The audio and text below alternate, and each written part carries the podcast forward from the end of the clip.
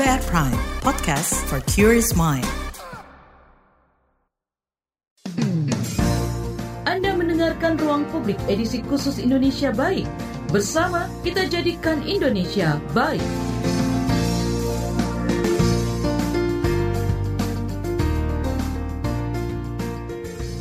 Selamat pagi, kita berjumpa kembali dalam Ruang Publik KBR edisi Indonesia Baik bersama saya Naomi Liandra. Pagi ini tema yang kita angkat adalah mewaspadai dampak over populasi kucing pada kesehatan lingkungan. Ya, kucing uh, jadi salah satu hewan yang banyak dipelihara masyarakat. Tapi keberadaan kucing liar alias yang tidak dipelihara masih sering sekali kita temukan. Dinas Ketahanan Pangan, Kelautan, dan Pertanian Provinsi DKI Jakarta mencatat pada tahun 2021 populasi kucing ada sekitar 2,8 juta ekor. Populasi kucing terutama kucing liar perlu dibatasi. Overpopulasi kucing ini akan membawa masalah pada lingkungan dan masyarakat seperti yang terjadi di Australia. Bulan lalu, pemerintah Australia berencana membasmi kucing-kucing liar menggunakan racun karena kucing liar sudah dianggap sebagai hama. Di ruang publik KBR edisi Indonesia Baik hari ini, kita akan berbincang dengan dua komunitas yang melakukan berbagai upaya untuk mencegah overpopulasi kucing. Kita akan berbincang dengan Amsul Nababan, Ketua Umum Indonesian Cat Association ICA, dan Carolina Fajar, Head of Operations Let's Adopt Indonesia. Bicara soal populasi kucing, Dinas Ketahanan Pangan, Kelautan dan Pertanian Provinsi DKI Jakarta mencatat pada tahun 2021 populasi kucing ini sekitar 2,8 juta ekor. Seperlima dibandingkan dengan jumlah penduduk Jakarta yang sekitar 10 juta. Nah, eh, Mbak Carol dan juga Mas Amsul, seperti apa nih Anda melihat jumlah populasi kucing dibandingkan jumlah populasi manusia ini? Apakah masih dalam tahap perbandingan yang wajar atau bagaimana nih bisa dijelaskan dari Mbak Carol dulu silakan. Oke, kalau dari Let's Adopt Indonesia yang memang uh, kita melakukan TNR ya, Trap, Neuter, and Release, selama dari bulan Januari tahun ini sampai kira-kira Agustus, itu kami kurang lebih sudah uh, berhasil menangkap seribu ekor kucing di wilayah Jabodetabek. Gitu. Jadi uh, itu yang tertangkap ya. Yang belum tertangkap masih banyak lagi. Jadi menurut kami hmm. uh, perbandingan antara jumlah hewan dengan jumlah manusianya memang uh, masih masih sedikit kecil gitu ya. Tapi jika kita tidak cegah, kucing ini akan cepat sekali berkembang biaknya gitu. Dan dalam waktu beberapa tahun dia akan menjadi sangat-sangat uh, overpopulasi. Di saat ini pun sebenarnya masih banyak juga kucing yang berkeliaran dan tidak disteril dan uh, masyarakat di perumahan atau mungkin di wilayah publik itu merasa terganggu dengan banyaknya jumlah kucing gitu loh. Karena kucing-kucing ini jika terlalu banyak mereka tentu akan uh, apa namanya akan ada perilaku yang tidak mengenakan ya. Hmm. Misalnya uh, mereka mencari makan di tempat sampah Ya. kemudian mengorek-ngorek sampah yang memang sudah terbungkus rapi gitu ya, atau bisa juga uh, apa namanya naik-naik ke motor atau ke mobil hmm. sehingga mobilnya baret-baret, kurang lebih seperti itu. Jadi memang uh, apa perilaku-perilaku kucing jika terlalu banyak itu mungkin bisa mengganggu masyarakat gitu. Dalam hal ini memang uh, overpopulasi ini nyata adanya, gitu Mbak dari okay. kami. Baik, kalau dari Mas Amsul seperti apa nih Mas? Anda melihatnya? Ya, uh, kalau udah bicara populasi ini hmm. rada-rada ini ya kejar-kejaran juga gitu loh antara manusia sama kucing. Iya. Dan kucing ini kan kita nggak bisa juga cegah ya mm-hmm. kapan mereka mau kawin gitu kan. Betul. Melihat uh, betinanya sudah birahi ya kapan aja di mana aja gitu loh. Mm-hmm. Jadi itulah kalau untuk kucing gitu. Jadi kalau uh, saat ini memang populasinya sangat-sangat banyak gitu, terutama di tempat-tempat umum kayak rumah sakit ya. Mm-hmm. Itu kan uh, ada beberapa rumah sakit tadinya hanya 15, tiba-tiba jadi 30 dan 30 jadi uh, 50 gitu. Nah, itulah saking cepatnya mereka gitu. Karena uh, itu tadi uh, mereka kan di alam bebas ya. Yeah. Jadi mau ke mana, mau ngapain gitu, nggak ada yang ini, nggak ada yang kontrol gitu. Nah, hmm. ini yang sebenarnya juga yang perlu juga ini uh, apa uh, kita sikapi juga gitu loh dengan uh, dari dinas juga gitu, hmm. karena uh, semakin dibiarkan ya otomatis nanti ya semakin tidak terkendali gitu. Okay. Nah di ICA sendiri mm -hmm. uh, kita kan ada cabang-cabang ya di beberapa kota mm -hmm. gitu dan mereka juga melakukan ada uh, hari steril gitu kan yeah. di beberapa kucing itu di steril untuk mencegah uh, populasinya berkembang dengan cepat gitu terutama untuk kucing-kucing yang jantan gitu walaupun betina juga tetap di steril cuman kan kalau betina ini rada susah karena ada pembedahan ya gitu kalau jantan kan hanya dibuang yang belakangnya aja gitu jadi lebih cepat gitu tapi hmm. tetap dilakukan gitu nah uh, ini juga sebenarnya yang perlu disikapi juga sama dinas peternakan ya hmm. bahwa kucing ini populasinya perkembangannya bisa tidak terkendali kalau misalnya dibiarkan seperti itu gitu itu kalau dari kami kalau dari sisi pemeliharaan kucing seperti apa sih hmm. kebiasaan masyarakat kita itu kalau punya hewan peliharaan seperti kucing begitu ya mungkin dari Mbak Carol dulu bisa disampaikan jadi kalau masyarakat kita itu terbagi, aku lihatnya sekarang terbagi tiga nih. Apa tuh? Apa yang gitu? pertama mm -hmm. itu adalah memang yang benar-benar pelihara dengan baik gitu. Jadi hmm. kucingnya itu dimasukkan indoor ke dalam rumah, kemudian dipelihara uh, apa diperhatikan kesehatannya, kurang lebih seperti itu. Hmm. Terus ada juga uh, kelompok yang lain yaitu kucing semi outdoor kita sebutnya. Jadi tetap okay. kucing itu boleh keluar masuk rumah, uh hmm. -huh. tapi uh, karena kucing kan uh, sifatnya uh, berpetualang ya, hmm. jadi pengen jalan-jalan ke mana-kemana gitu dan itu diperbolehkan oleh pemiliknya. Nah sementara Eh, kucing-kucing uh, yang semi outdoor ini kalau tidak di steril hmm. dia ada kemungkinan untuk kawin dengan kucing-kucing lain di sekitarnya. Nah ini yang menyebabkan salah satu uh, faktor untuk overpopulasi. Hmm. Kemudian yang ketiga adalah mereka yang tidak memelihara kucing yeah. tapi memberi makan di jalan. Oh, Oke, okay. aku sering lihat tuh mbak. Uh, mm -hmm. Ya, ini sering terjadi dan ini di wilayah publik biasanya banyak nih yang melakukan. Kita sebutnya street feeding. Jadi oh, di sini okay. uh, eh, orang-orang mungkin uh, sebenarnya suka kucing, mm -mm. tapi mungkin ada kendala di rumahnya, keluarganya yeah. tidak suka gitu ya. Jadi dia uh, me, me, me, apa ya mencurahkan kasih sayangnya itu mm. lewat memberi makan di jalan mm. atau di depan rumah misalnya. Tapi balik lagi kalau ini tidak disteril, ini juga akan uh, menimbulkan masalah overpopulasi karena semakin uh, kucing bergizi itu hmm. anaknya semakin banyak kalau dia sampai kawin gitu. Oke. Okay. Nah, jadi misalnya nih kita bandingkan kucing yang tidak bergizi ya, yang cari yeah. makannya susah. Itu kalau kawin mungkin anaknya hanya satu atau dua. Tapi kalau kucing yang memang setiap hari dikasih makan, berarti kan dia bergizi nih. Makanannya mm. juga mungkin pilihan ya, mm -hmm. uh, cat foodnya gitu. Nah ini anaknya mungkin bisa sekitar 4 sampai enam gitu. Jadi memang uh, balik lagi street feeding ini harus dibarengi atau satu paket dengan steril. Oh gitu. Nah.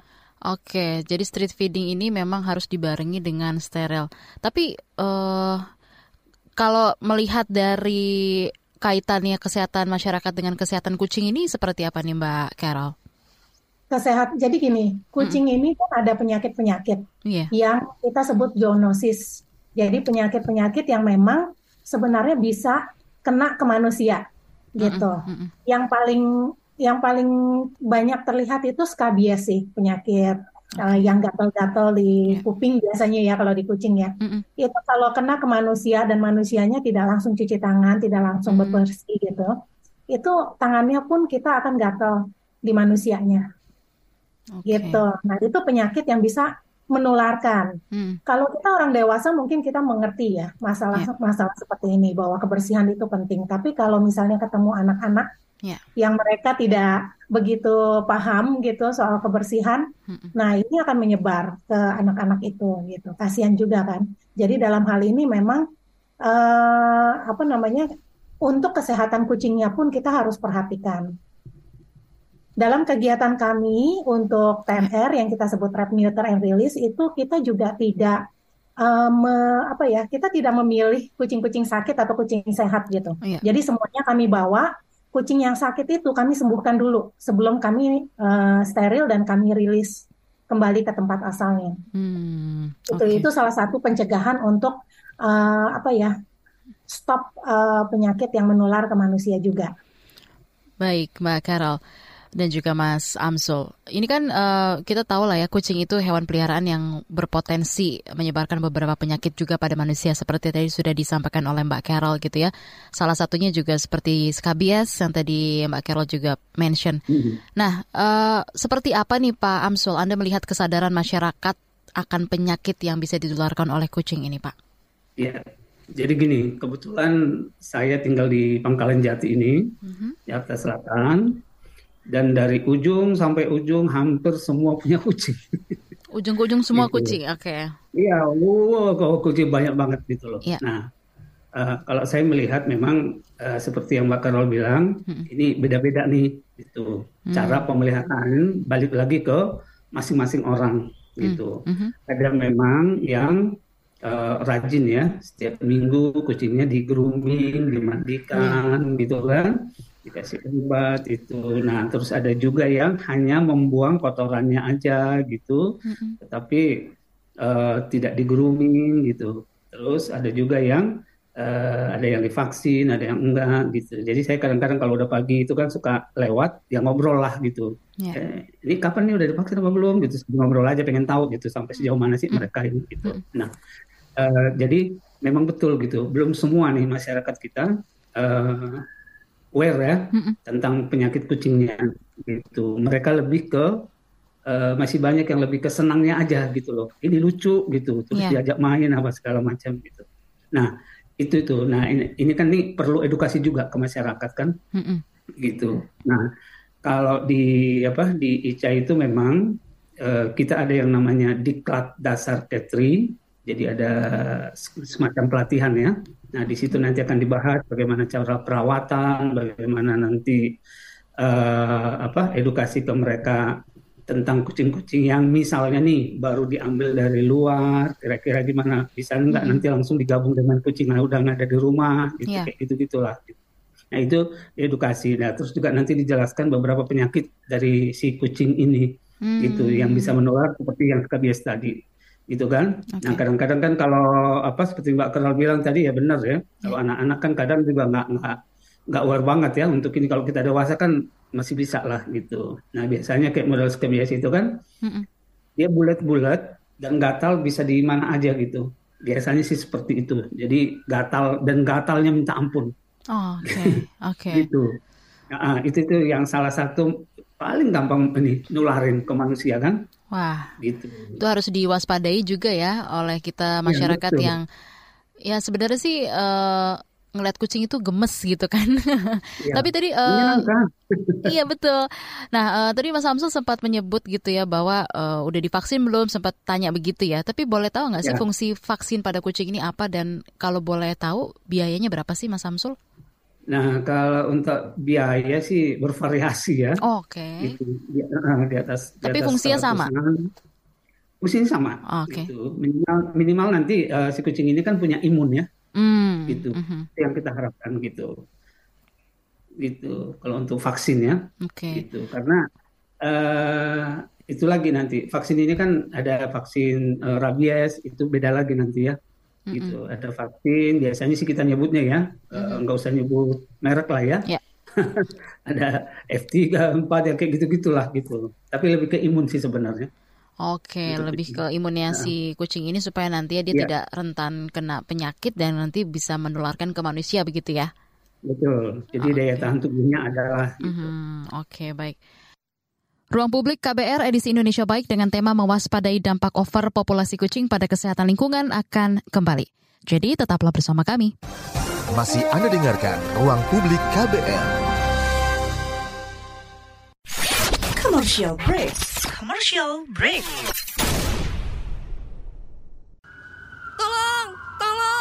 Ada apa MJ? Spiderman tolong tangkepin orang ini. Aku habis kena tipu investasi bodong nih. Sekarang aku bangkrut. Oh alah, pasti belum dengerin uang bicara ya? Uang bicara? Apa itu? Podcast ekonomi dan literasi finansial dari KBR Prime Narasumbernya kredibel dan topiknya cocok banget buat anak muda kayak kita. Ada juga nih, topik biar nggak ketipu investasi bodong. Uang Bicara, menavigasi kamu supaya tetap cuan dari KBR Prime.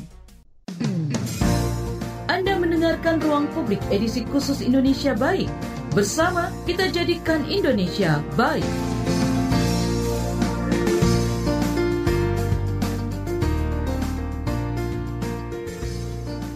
Anda masih menyimak Ruang Publik KBR edisi Indonesia Baik dengan tema mewaspadai dampak overpopulasi kucing pada kesehatan lingkungan.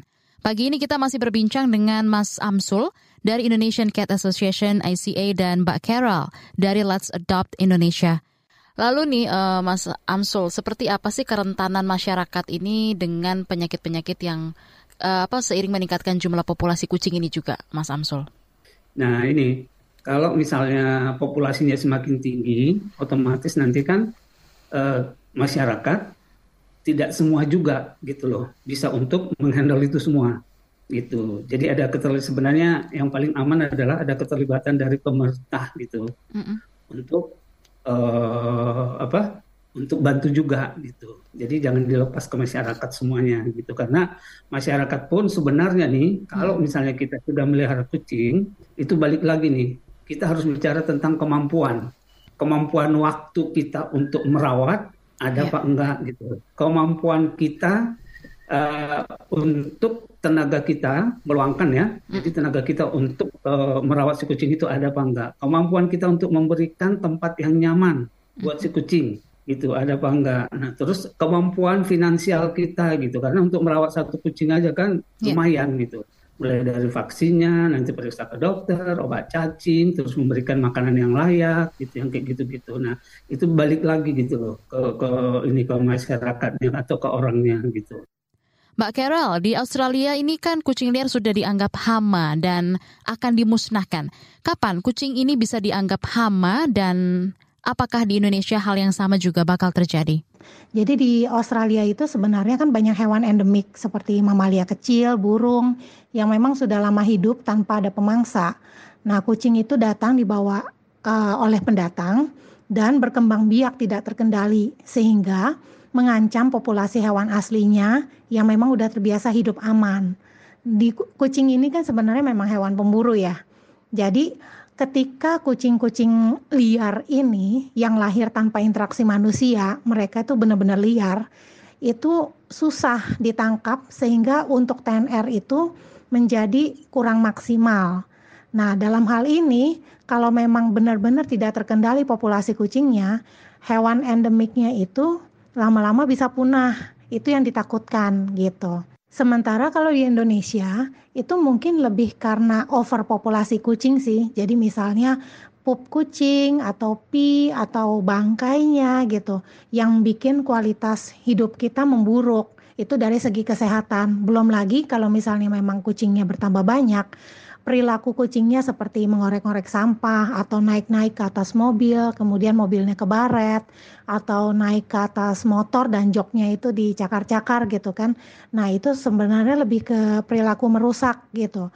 Nah, itu yang sebenarnya masyarakat menjadi tidak nyaman dengan adanya kucing yang terlalu banyak. Untuk kejadian uh, di Australia di mana terjadi culling atau pembunuhan, itu kalau di Indonesia itu sebenarnya mungkin ada terjadi di berbagai daerah tapi aku nggak tahu persisnya di mana aja. Tapi uh, aku lihat masyarakat di Indonesia ini sudah mulai terbuka dengan sistem TNR mudah-mudahan TNR ini bisa dilakukan di semua uh, lokasi yang memang banyak populasi kucingnya sehingga uh, terjaga jumlah kucingnya dan antara manusia, masyarakatnya dengan kucingnya itu bisa hidup damai dan harmonis, berdampingan begitu. Oke, uh, Mas Amsul dari Indonesian Cat Association ICA ini udah mm -hmm. berdiri dari 2003 ya Mas ya. Betul. Nah ini juga merupakan wadah komunikasi yang salah satunya bertujuan untuk meningkatkan pengetahuan para penyayang kucing baik tentang perawatan juga kesehatan kucing. Mungkin bisa dijelaskan ya. apa saja sih Mas bentuk kegiatan yang dilakukan ICA ini untuk meningkatkan pengetahuan tentang perawatan dan kesehatan kucing ini?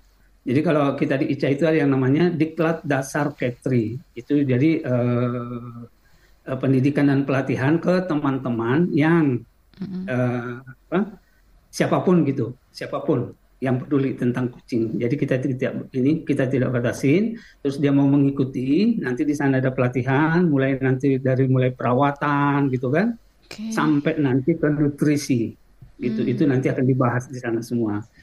Habis itu nanti baru nanti dibahas lagi bagaimana caranya kalau misalnya breeding yang baik gitu. Nah, -hmm. itu juga nanti akan dibahas di sana gitu. Itu salah satu kegiatannya di diklat itu. Terus yang kedua mm-hmm. kita juga sering mengadakan talk show ya ke mm-hmm. teman-teman ketlover yeah. uh, karena sekarang ini jujur di seluruh Indonesia itu setiap kabupaten itu punya komunitas.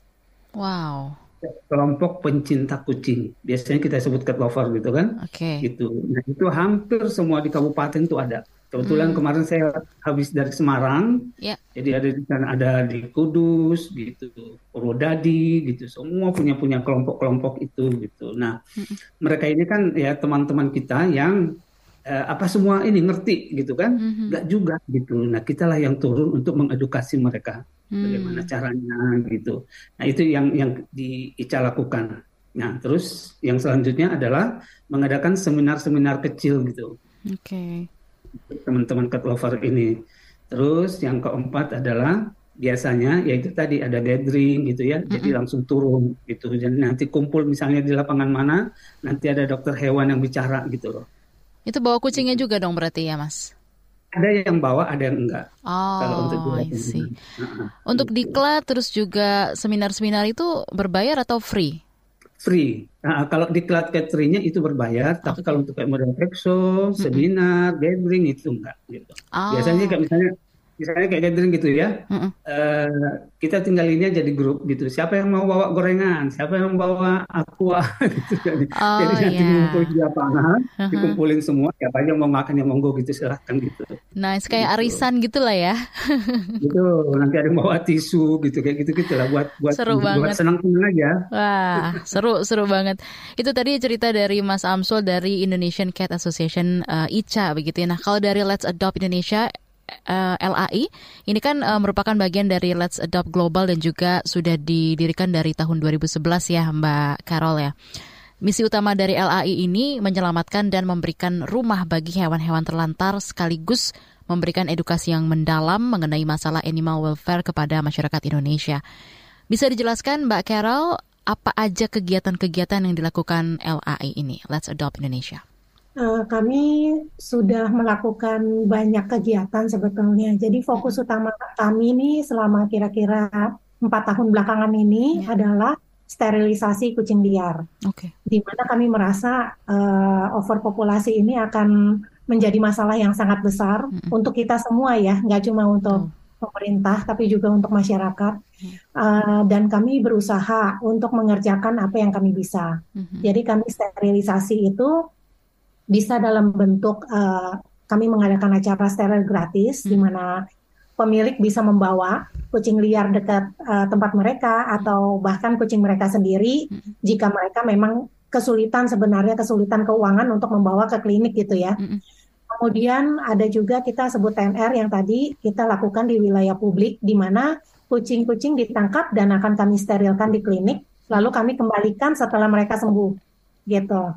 Nah, selain dari kegiatan ini, kami juga ada kegiatan uh, pengobatan gratis untuk hewan-hewan yang memerlukan peng bantuan pengobatan. Mm -hmm. Dan ini berlaku untuk hewan-hewan yang liar yang di jalan okay. atau berpemilik jika pemiliknya memiliki kesulitan finansial, gitu.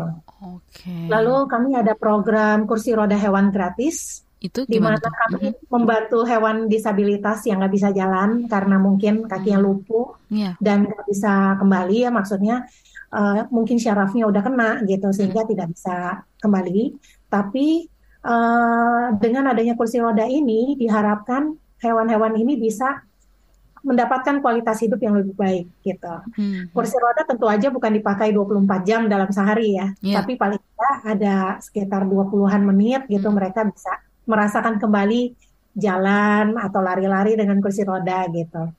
Lalu untuk edukasi kami melakukannya via sosial media dan juga school visits. Mm-hmm. Jadi kami datang ke sekolah-sekolah untuk uh, memberikan edukasi kesejahteraan hewan. Okay. Paling tidak memberikan edukasi untuk pemeliharaan uh, hewan yang benar supaya anak-anak ini biasanya kan anak SD, TK, yeah. SMP gitu ya. Mereka uh, hanya tahu apa yang dilakukan oleh orang tuanya, tapi mungkin ada sebagian yang uh, mereka perlu tahu juga sehingga kita bisa saling melengkapi gitu loh. Hmm. Dari orang tua uh, memberikan contoh yang baik, dari kami kami berikan juga uh, mungkin tambahan-tambahan pengetahuan untuk mereka. Nah, LAI ini kan nggak punya rumah penampungan atau shelter gitu ya, dan juga hewan-hewan yang diselamatkan tinggal bersama relawan uh, foster yang juga bisa dibilang part of keluarga besar dari Let's Adopt Indonesia ini gitu ya. Apa sih yang jadi pertimbangan LAI ini untuk memilih bentuk penyelamatan seperti ini, Mbak Carol? Oke, jadi untuk uh, tempat penampungan yang di rumah relawan itu kita sebutnya foster home ya. Yep. Uh, bedanya foster home dengan shelter tentu dari jumlah kapasitas. Mm. Jadi kalau shelter itu mungkin bisa menampung uh, ratusan, mm. sementara kalau foster ini hanya bisa menampung satu atau dua saja, gitu. Okay. Uh, bedanya itu sebenarnya ini ada ada plus minusnya sih masing-masing ya. Mm. Kalau untuk foster home itu plusnya adalah uh, setiap hewan yang dirawat oleh keluarga tentunya dapat perhatian lebih besar. Kemudian hewan juga kan perlu main, perlu kasih yeah. sayang. Nah itu bisa diberikan oleh keluarga yang lagi fostering dia gitu. Ke, apa namanya untuk drawbacksnya foster home tentu aja jumlah ya. Jadi dengan jumlah yang hanya bisa sedikit kita nggak bisa menolong lebih banyak hewan. Mm -hmm dalam hal ini memang ada plus minusnya sih. Ruang publik KBR dengan tema mewaspadai dampak over populasi kucing pada kesehatan lingkungan akan segera kembali. Tetaplah bersama kami. Masih Anda dengarkan Ruang Publik KBR. Yuk follow social media KBR. Twitter at Berita KBR, Instagram at KBR.id, Youtube Berita KBR. Anda mendengarkan Ruang Publik edisi khusus Indonesia Baik. Bersama kita jadikan Indonesia baik.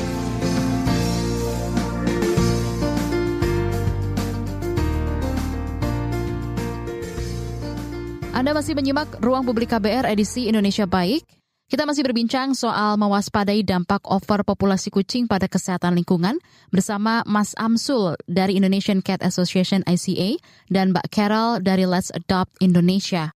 Nah, uh, berkaitan dengan populasi kucing begitu ya yang sudah sempat dimention juga overpopulasi begitu kan. Bulan Juli lalu kita hmm. dengar kabar soal kematian puluhan kucing di Sunter Jakarta nih yang terjadi baik pada kucing peliharaan maupun kucing liar. Menindaklanjuti kejadian itu, uh, suku Dinas Ketahanan Pangan Kelautan Pertanian Jakarta Utara menggelar program sterilisasi dan juga pemberian vitamin gratis untuk hewan peliharaan di sana. Apa nih uh, yang harus masyarakat ketahui dan lakukan kalau terjadi kasus seperti di Sunter ini, di mana uh, di waktu itu tuh berurutan terjadi kematian kucing?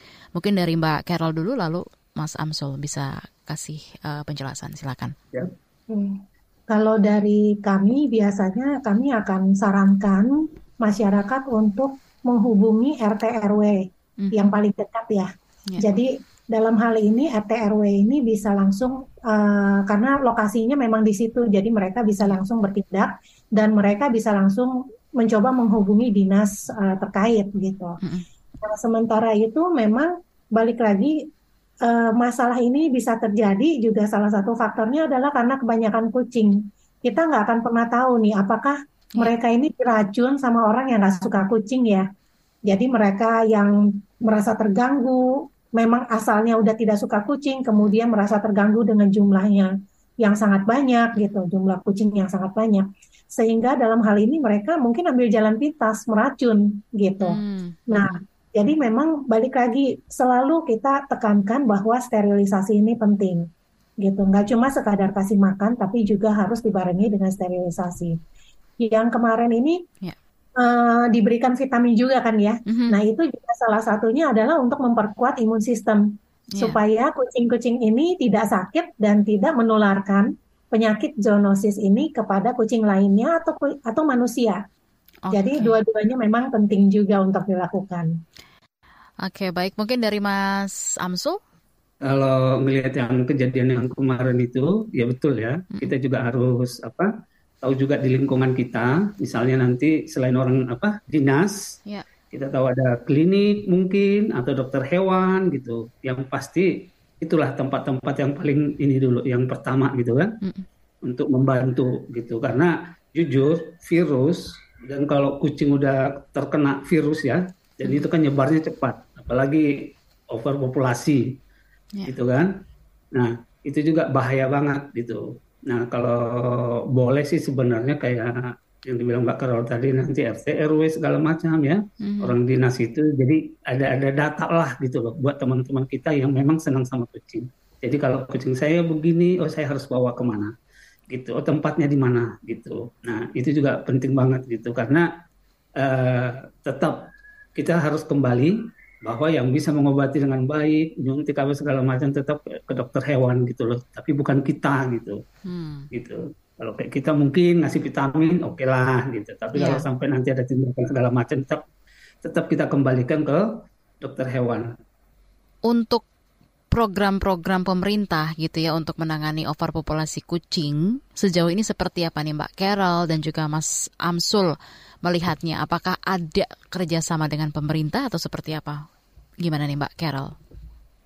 Kalau dari pemerintah sendiri saya lihat dan saya ikuti juga kebetulan IG mereka mereka ya. uh, sekarang sedang bekerja sama dengan banyak sekali klinik hewan. Ini kita ngomong yang di Jakarta dulu ya. Ya, silakan. Jadi uh, mereka ini bekerja sama dengan eh, klinik-klinik uh, hewan di seluruh Jakarta, tapi memang tidak semua, tapi lumayan banyak jumlahnya untuk mengadakan uh, steril gratis hmm. dan vaksin rabies gratis. Ya. Gitu. Kalau dari Let's Adopt sendiri, kami baru akan kerjasama dengan uh, dinas KPKP Jakarta. Hmm uh, untuk nanti kegiatan TMR kami. Lalu kami sudah bekerja sama juga dengan Dinas KPKP untuk sterilisasi kucing liar di Kepulauan Seribu. Mm-hmm. Dan di luar Jakarta kami juga bekerja sama dengan Dinas uh, Disnak Keswan Provinsi Jawa Tengah untuk melakukan sterilisasi gratis dan vaksinasi rabies gratis. Gitu. Jadi dari pemerintah pun sebenarnya sudah melakukan uh, langkah-langkah untuk uh, apa ya me, memberikan solusi nih terhadap masalah overpopulasi. Tapi memang mereka tidak bisa uh, dibiarkan sendiri karena mungkin jalannya uh, apa ya terlalu banyak kucing, hmm. sementara manusianya yang melakukan ini tidak banyak gitu. Jadi memang kejar-kejaran seperti Mas Samsul ya. tadi bilang, kita kejar-kejaran sama jumlah kucingnya. Gitu. Okay. Jadi uh, kita sebagai uh, komunitas kebetulan kalau di Let's Adopt itu kita yayasan non profit. Jadi kita juga ingin ikut membantu pemerintah, hmm. kita bantu supaya uh, pengejarannya ini bisa uh, nggak terlalu sulit gitu untuk pemerintah gitu. Oke, okay, thank you Mbak Carol. Dari Mas Amsul tambahannya silakan. Jadi kalau kita misalnya nih uh, Bali gitu mm -hmm. kan ya. Mm -hmm. Kita juga kerjasama dengan dinasnya gitu. Biasanya nanti uh, untuk steril terus nanti untuk vaksin rabies juga gitu. Jadi kalau ditanya pemerintahnya gimana, sebenarnya mereka sudah sudah ini sudah bergerak gitu loh. Cuman ya itu tadi terbatas ya, hmm. gitu. Mereka butuh seperti yang kita nih ketlover-ketlover yang ada di daerah masing-masing hmm. untuk membantu program tersebut gitu, hmm. untuk melancarkan uh, program yang dibuat sama pemerintah gitu. Kalau kita biarkan mereka aja, rasanya juga ini jadi lambat ya, ini agak lama gitu loh. Yeah. Jadi biasanya kita di daerah itu tuh, tuh uh, ikut berpartisipasi gitu kayak Lampung, hmm. Bali, terus di apa di Lombok, Jambi gitu. Itu kita kita ini selalu support gitu. Dan biasanya kita komunikasi dengan mereka hmm. kira-kira apa yang bisa dibantu sama uh, ICA nih cabang-cabang kita yang ada di da di daerah atau di kota tersebut gitu.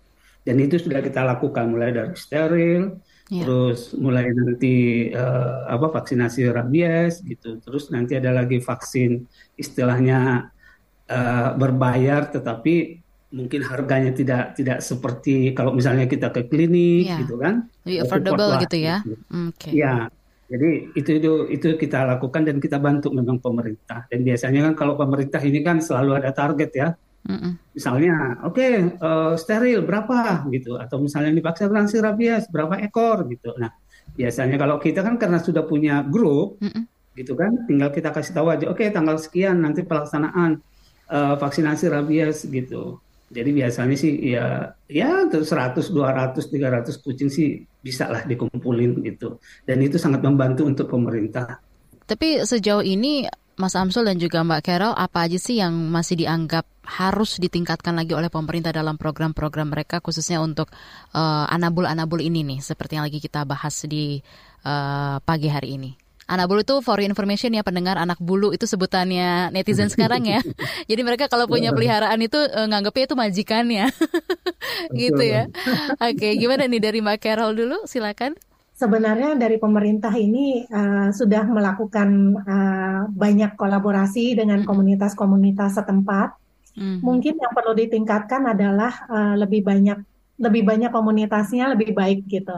Mm. Jadi uh, apa namanya dan dan mereka juga mungkin harus lebih aktif untuk mencari tahu komunitas setempat di kotanya masing-masing. Yeah. Karena yang selama ini yang cukup berjalan itu memang Jakarta Kemudian untuk daerah Jawa Tengah juga ini dinasnya juga sangat-sangat uh, proaktif. Oke. Okay. Gitu. Jadi uh, mereka udah mencari tahu komunitas mana yang kira-kira bisa diajak kerjasama.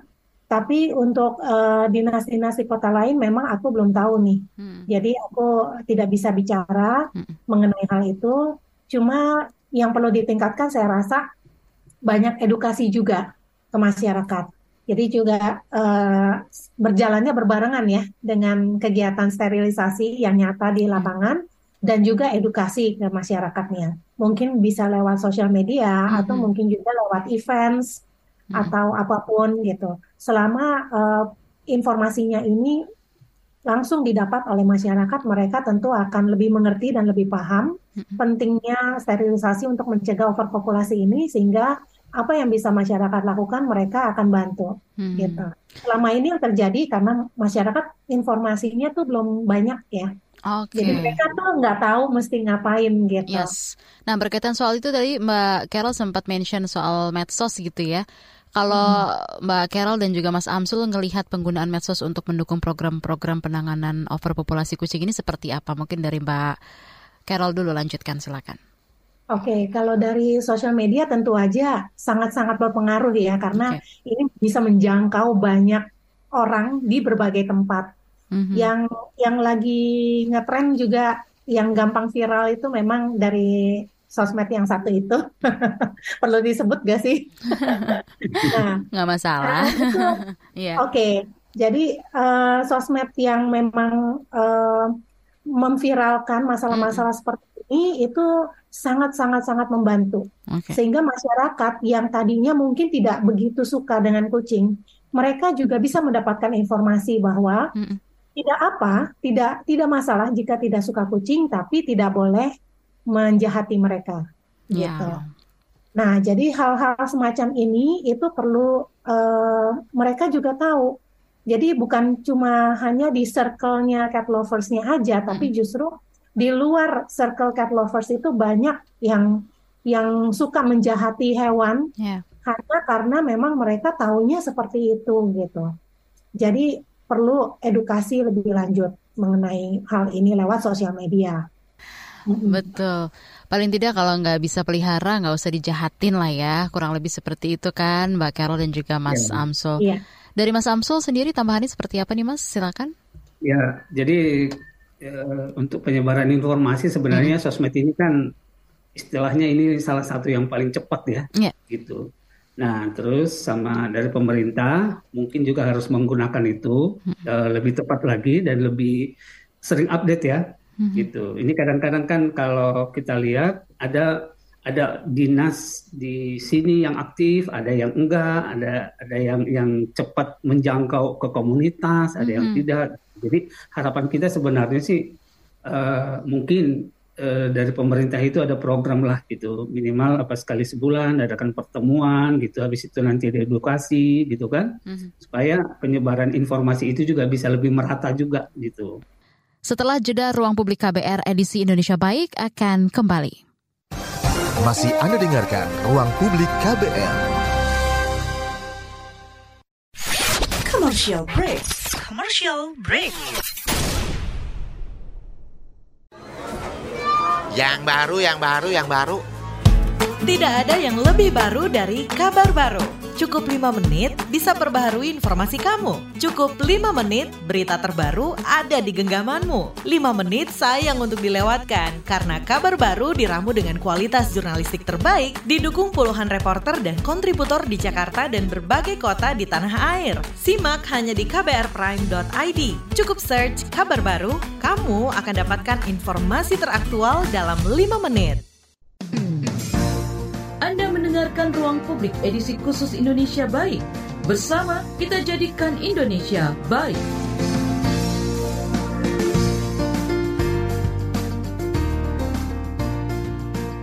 Kita tiba di bagian akhir Ruang Publik KBR edisi Indonesia Baik hari ini. Masih membahas soal mewaspadai dampak overpopulasi kucing pada kesehatan lingkungan.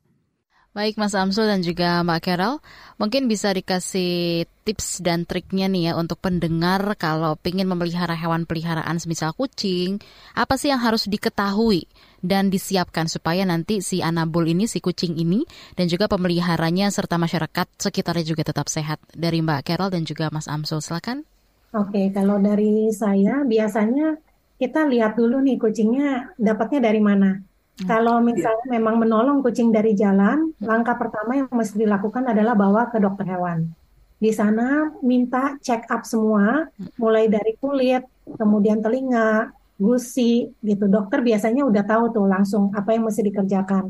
Kalau memang sakit, berarti harus rawat inap di klinik dulu gitu. Yeah. Tapi jika dokter sudah menyatakan oke okay, bisa dibawa pulang, berarti bisa dibawa pulang dan di rumah itu juga harus diperhatikan juga makan minuman harus tersedia mm-hmm. setiap saat kemudian uh, tempatnya juga harus bersih gitu jangan uh, apa namanya jangan kotoran dibiarkan gitu ya kemudian kalau untuk kucing itu ada litter box dengan pasir mm-hmm. dan itu disiapkan juga sehingga uh, basic needs-nya mereka ini terpenuhi mm-hmm. jika memang pemilik ingin uh, memelihara hewan dengan benar, sebenarnya yang dibutuhkan itu komitmen sih, komitmen waktu, tenaga, dan juga dana. Kalau waktu itu adalah untuk uh, benar-benar memperhatikan, ngajak main, sayang-sayang gitu ya, supaya kucingnya juga bahagia. Karena kalau kucing stres itu gampang sakit. Yeah. Kemudian uh, tenaga itu adalah ketika kita memang harus memvaksin kucing setiap tahun mm-hmm. dan kita harus uh, extra effort ya untuk bawa yeah. ke dokter gitu. Kemudian kucing itu juga kan kadang-kadang juga suka sakit flu atau sakit apa, mm-hmm. nah itu juga dibawa ke dokter. Kemudian untuk dana tentu aja karena ini pengeluaran selalu ada ya, pengeluaran untuk beli makanan, beli pasirnya, kemudian vaksin juga kan berbayar. Mm-hmm. Lalu uh, kalau sakit ke dokter juga pasti ba- ada bayarannya. Nah ini yang sebenarnya kadang-kadang orang nggak kepikiran sampai situ gitu mm-hmm. loh, karena uh, mereka hanya mikirnya oh cukup dikasih makan dan dikasih minum selesai gitu. Mm-hmm. Padahal di balik itu mungkin ada uh, biaya-biaya lain yang tidak terpikirkan sehingga banyak sekali kami menemukan kejadian di mana pemilik itu akhirnya mengalami kesulitan finansial karena nggak sanggup lagi nih untuk uh, bayarin pengobatan hewannya gitu. Nah di iya. sana maka kami ada pengobatan uh, program pengobatan gratis untuk hewan yang memang membutuhkan bantuan seperti ini. Oke, baik. Dari Mas Samsul bisa ya, ditambahkan? Ya, jadi kalau ya kalau misalnya kita nih ngambil mm -mm. kucing dari rumah sakit misalnya atau dari uh, apa tempat sampah gitu atau dari luar lah gitu yeah. kan Nah, itu juga perlu uh, apa? Kalau di kita nih biasanya kan ada kita karantina dulu nih. Kan kita nggak hmm, tahu dia bawa iya, penyakit apa enggak, iya. sehat apa enggak, ada kutunya banyak, nah, kayak hmm. gitu gitulah. Biasanya kita karantina dulu dan tidak langsung masuk ke dalam rumah. Hmm. Biasanya kita taruh dulu di tempat karantinanya mungkin 2-3 hari, udah tenang. Hmm. Habis itu kita berikan obat cacing. Oh, obat cacing dulu. Habis itu nanti uh, udah udah apa sudah mulai makin makin bagus gitu ya. Uh-huh. kalau obat cacing cacingnya udah keluar segala macam terus makannya udah bagus minumnya udah bagus uh-huh. gitu. Habis itu uh, kita grooming. Itu kucing. Ah, ya yes. kita mandikan kita grooming sambil nanti uh, minimal nanti kutu-kutunya nggak ada ya. Mm-hmm. atau mungkin nanti jamur-jamurnya juga sudah di ini sudah mulai diobati gitu. Nah habis itu baru kita lanjut lagi ke vaksinasi. Habis itu kita vaksin gitu supaya nanti apa kalau misalnya kucing tersebut yeah. nanti kita masukkan ke dalam rumah mm -hmm. dengan kucing yang sudah ada yang sudah terawat mm -hmm. supaya nanti tidak menularkan penyakit gitu loh jadi yep. daya tahan tubuhnya atau imunnya sama-sama kuat juga dua-duanya gitu jadi karena jujur aja rentan banget kucing kita bawa dari luar itu langsung masuk ke cat room itu yeah. itu sangat bahaya gitu harus ada step by stepnya ya Mas Amsul yeah, dan juga gitu. Mbak Carol. Iya. Iya. Gitu. Nggak serta merta ngelihat kucing lucu di jalan terus ambil bawa pulang langsung di grooming. Iya betul. Mungkin sekali. ada yang pernah seperti itu kan ya Mbak Carol dan juga Mas Amsul. ya, ini informasi itu. tambahan dari Mas Amsul ini. Iya, gimana Mbak Carol? Ya informasi tambahan dari Mas Amsul ini memang benar-benar hmm. baik banget ya. Jadi betul. dalam arti uh, apa namanya tidak bisa sembarangan langsung hmm. masuk ke rumah jika hmm. memang dibawa dari luar gitu. Karantina itu harus, kemudian dari Mas Amsul tadi juga ada obat cacing dan itu memang benar hmm. gitu. Hmm. Jadi memang step by stepnya mungkin secara teknis Mas Amsul tadi lebih lebih detail ya. Oke. Okay. Oke, itu Makasih tuh. Mas Amsul tambahannya. Oke. Nah, uh, Mas Amsul dan juga Mbak Carol, kalau ada pendengar kita nih di ruang publik yang mau dan juga suka memberi makan kucing liar, apa yang harus diperhatikan? Kalau dari saya, mungkin bisa aku bisa kasih saran mm -mm. untuk pemberian makanan mungkin bisa dikasih alas dan ditungguin dulu. Jadi okay. setelah memberikan makan itu jangan langsung ditinggal karena satu uh-huh. cat food itu mengundang semut oh, gitu. Iya. Jadi kalau uh-huh. dibiarkan itu semut akan datang. Kemudian kedua, cat food yang dibiarkan begitu saja, hmm. kalau kena hujan atau kena air, tumpahan, hmm. itu dia akan uh, apa ya namanya uh, melebar gitulah. Dan kucing biasanya nggak mau makan kalau kayak gitu hmm. dan akan ditinggal. Dan itu akan menjadi sampah gitu. Yeah. Jadi makanya kenapa di wilayah publik Kadang-kadang orang tuh suka tidak memberi izin gitu ya, yeah. karena sampahnya itu gitu. Jadi kalau dalam hal ini uh, street feeder di mana pun, mm-hmm. kalau memang mau memberikan makan itu ditungguin aja, mm. nggak usah banyak-banyak, sedikit aja ditungguin. Yang penting kita lihat dia makan. Mm-hmm. Jika masih ada sisanya bawa aja. Kenapa? Nggak usah takut kucing itu nggak dapat makan, karena street feeder itu banyak. Di stasiun benar. itu kita melihat sendiri mm-hmm. pengguna KRL itu ada yang memberikan makan, mm-hmm. kemudian kucingnya udah makan nih, mm-hmm. lalu kucing yang sama diberikan lagi makan oleh pengguna KRL yang uh, jadwal berikutnya. Oh gitu. Karena okay. orangnya berbeda kan, orangnya nggak yeah. tahu kalau kucing ini udah dikasih makan, kita kan ngeliatin kucingnya. Oh, Oke. Okay. Jadi kucingnya nggak mau makan gitu, karena dia udah makan dari makanan yang sebelumnya, hmm. gitu. Tapi kan karena ditinggal, hmm. makanannya di pinggir gitu, hmm. itu bisa menjadi sampah. Jadi gitu. kalaupun mau kasih makan kucing liar harus ditungguin ya, Mbak Carol. Iya, sebaiknya ditunggu. Nggak mm maksud tadi hanya, yang penting udah dikasih, tapi harus diperhatikan juga. Kalau memang niatnya mau kasih makan gitu ya. Oke, okay, hmm, baik. Dari Mas Samsul gimana Mas Samsul? Ada yang mau ditambahkan? Silakan. Ya, kadang-kadang juga ini sedih juga ngelihat ya, hmm. yang feeding ini niatnya memang baik, yeah. tapi ternyata kalau dipikir lagi kan hmm. akhirnya bisa membawa dampak buruk juga buat kucing yes. gitu. Saya sering ngeliat beli satu saset, mm -mm. robek langsung ditaruh di situ di di di, di jalanan kan. Mm -mm. Nah itu seperti yang Mbak Karol bilang tadi itu kan membawa penyakit juga gitu. Mm. Apalagi nanti misalnya sudah ada semut, terus makanan sebenarnya dry food itu kalau udah masuk angin juga kan nggak bagus juga buat kucing gitu. Ya. Yeah. Ya itu itu yang ini. Jadi kalau boleh sih sebenarnya saran kita sih buat teman-teman pencinta kucing yang suka street feeding gitu bawa lah tempat gitu ya, terus bawa tisu, bawa plastik gitu karena nanti kalau udah selesai dirapikan mm-hmm. ya kan, terus nanti di, di di apa untuk tempatnya itu ya dilap segala macam masukin plastik ya dibawa lagi pulang gitu loh. Jadi jangan ditinggal lagi gitu. Terus satu lagi kalau dry food mm-hmm.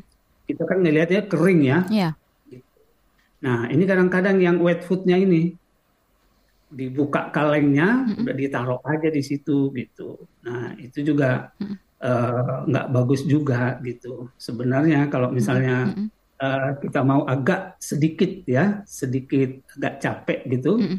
Kan banyak sekarang tuh plastik-plastik yang ada tutupnya yang kecil-kecil gitu, itu aja kita bawa, terus bawa tisu sama bawa plastik gitu. Oke. Okay. Mm -hmm.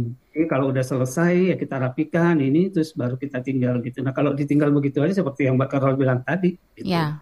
Jadi terkesan ya. tidak bertanggung jawab juga ya? Iya, niatnya bagus yeah. gitu. Uh-huh. gitu karena jujur uh-huh. kalau kucing ini sangat rentan dengan penyakit. Yeah. Dia ganti pakan bisa diare. Uh-uh. Gitu. Kalau nggak biasa makan itu udah dia diare gitu. Kan kasihan juga kucingnya. Jadi seakan-akan yeah. kita jadi nyiksa juga gitu. Hmm, oke. Okay. Demikian ruang publik KBR edisi Indonesia Baik dengan tema mewaspadai dampak overpopulasi kucing pada kesehatan lingkungan. Terima kasih untuk narasumber kita pagi ini. Ada Amsul Nababan, Ketua Umum Indonesian Cat Association ICA, dan Carolina Fajar, Head of Operation Let's Adopt Indonesia. Terima kasih juga untuk Anda pendengar yang sudah menyimak Ruang Publik KBR edisi Indonesia Baik pagi ini. Saya Naomi Liandra, pamit undur diri. Salam. Baru saja Anda dengarkan Ruang Publik KBR. KBR Prime, cara asik mendengar berita. KBR Prime, podcast for curious mind.